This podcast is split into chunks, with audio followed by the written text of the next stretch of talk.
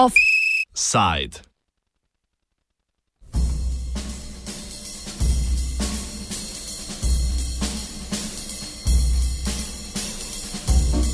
Luksemburške davčne vajeti.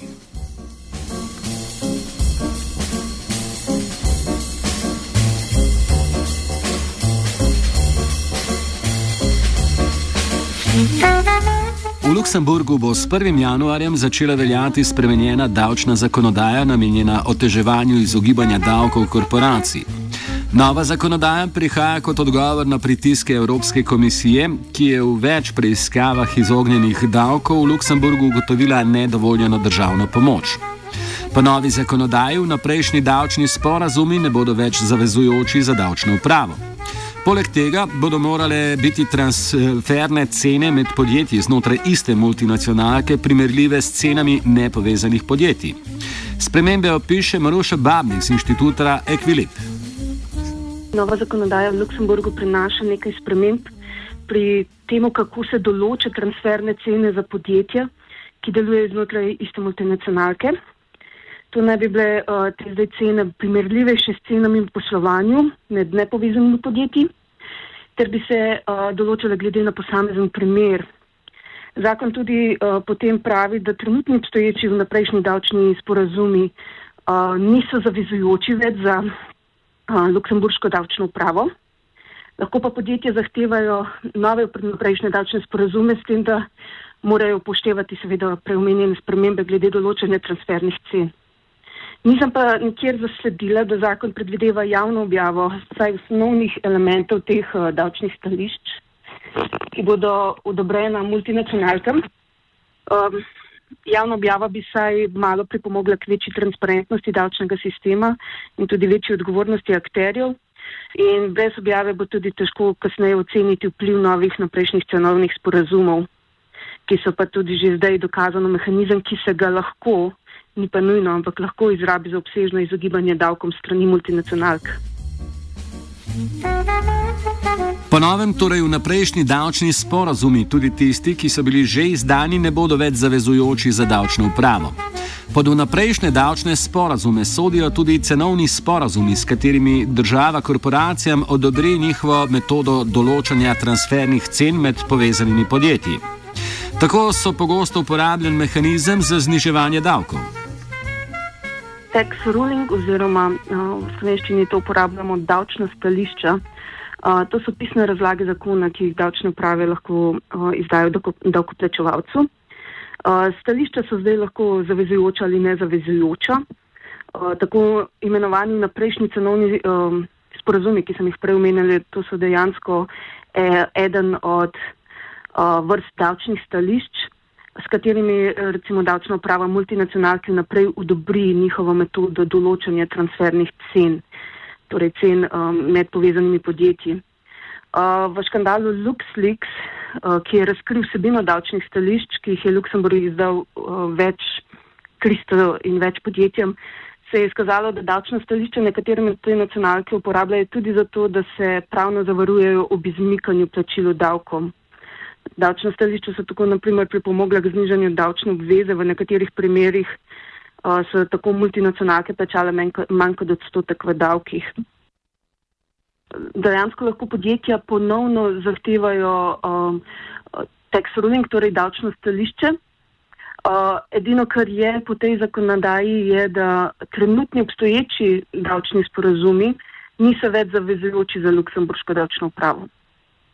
Torej, uh, ni treba, da se več drži prejšnjih preteklih uh, vnaprejšnjih um, davčnih sporazumov oziroma cenovnih sporazumov, torej točno določenih davčnih stališč. Vnaprej izdano davčno stališče torej podjetjem zagotavlja določeno postavljanje transfernih cen med povezanimi podjetji oziroma tako imenovani transfer pricing. Tako lahko povezana podjetja med seboj poslujejo tako, da se, da se čim eh, več premoženja obdavči za podjetje s sedežem v državi s čim nižjo obdavčitvijo, čeprav so bile vse transakcije izvedene znotraj iste multinacionalke. To je pač določenje cen med uh, podjetjema, kar pomeni, uh, podjetje, ki želi si znižati uh, uh, davčno osnovo, recimo bo zvišalo stroške na podlagi teh cen, torej bo več plačalo uh, za posamezne storitve uh, drugega podjetja oziroma za posamezne produkte drugega podjetja.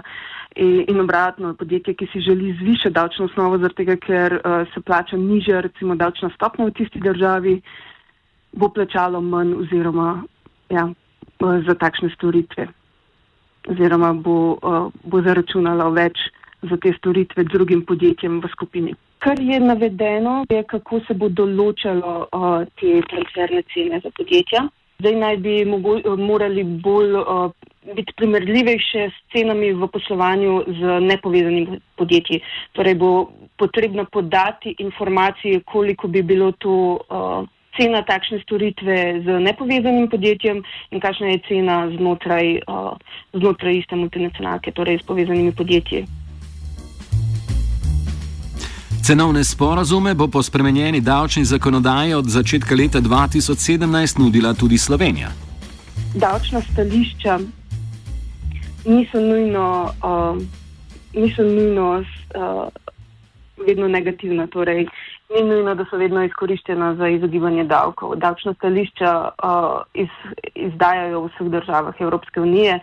Uh, kar se tiče prav posebnih davčnih stališč, torej, kar sem omenila, um, uh, samih vnaprejšnjih cenovnih sporazumov, tega pa recimo niso vse države imele. Tudi eno uh, od takih držav je bila Slovenija, uh, ki pa sicer. Um, je omogočala davčne odločbe, nezavezujoča pojasnila, ni pa imela na prejšnjih cenovnih sporazumov. Z novimi spremembami zakona o davčnem postopku pa dejansko od 1. januarja 2017 podjetja tudi v Sloveniji lahko zaprosijo za naprejšnje cenovne sporazume. Posojili podjetjem znotraj iste korporacije si je za skoraj 30 milijonov evrov davčno obremenitev znižalo podjetje Fiat Finance and Trade, kot je oktobra lani ugotovila Evropska komisija.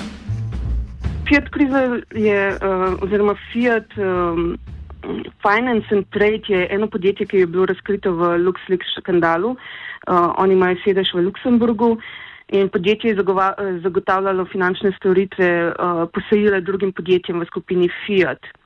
In dejansko uh, preiskava Evropske komisije, ki je sledila škandalu, je pokazala, da je bilo podjetje deležno uh, selektivne ugodnosti na podlagi izdanega davčnega stališča. Torej, da, davčno stališče, ki je bilo izdano iz strani Luksemburške uh, davčne uprave, je omogočilo podjetju oziroma potrdilo podjetju, njihove transferne cene, ki so omogočale dejansko prenos uh, profita v, v države, ki, uh, ki imajo manjše uh, davčne, davčne stopne. In s tem so dejansko zmanjšali svojo davčno obremenitev za 20 do 30 milijonov evrov.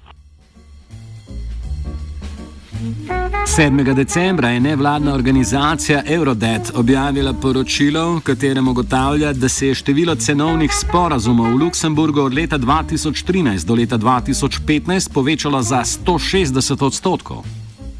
Kar je zaskrbljujoče, neverjetno, kar smo ugotovili v poročilu preživetje najbogatejših, pa je, da je po škandalu LuxLeaks eh, število vnaprejšnjih cenovnih sporazumov v Evropi dejansko drastično naraslo. Uh, ugotovili smo, da je bilo leta 2014 um, okoli 550 takšnih dogovorov med evropskimi vladami in multinacionalkami, konec leta 2015 pa že več kot 1400 takšnih dogovorov. Torej gre za 160 odstotno povečanje. Um, kar je zanimivo, glede na to, da, da je dejansko škandal LuxLeaks pokazal možno uh, škodljive posledice takšnih uh, sporazumov. Afera LuxLeaks je izbruhnila novembra 2014, ko so v javnost pricrljali tajni davčni sporazumi z okrog 340 korporacijami v letih 2002 do 2010. Sodni proces proti odgovornima žvižgačema in novinarju, ki je podatke objavil, se je zopet začel 12. decembra, kar je sprožilo shode aktivistov v njihovo podporo.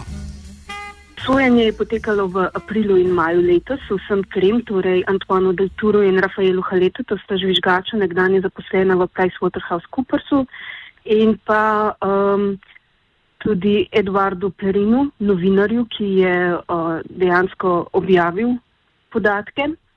In um, 23. junija letos je na to sodišče v Luksemburgu obsodilo Antoana Deltura na 12 mesecev pogojne zaporne kazni in 1500 evrov globe, ter Rafaela Haleta na 9 mesecev pogojne kazni in pa na 1000 evrov globe.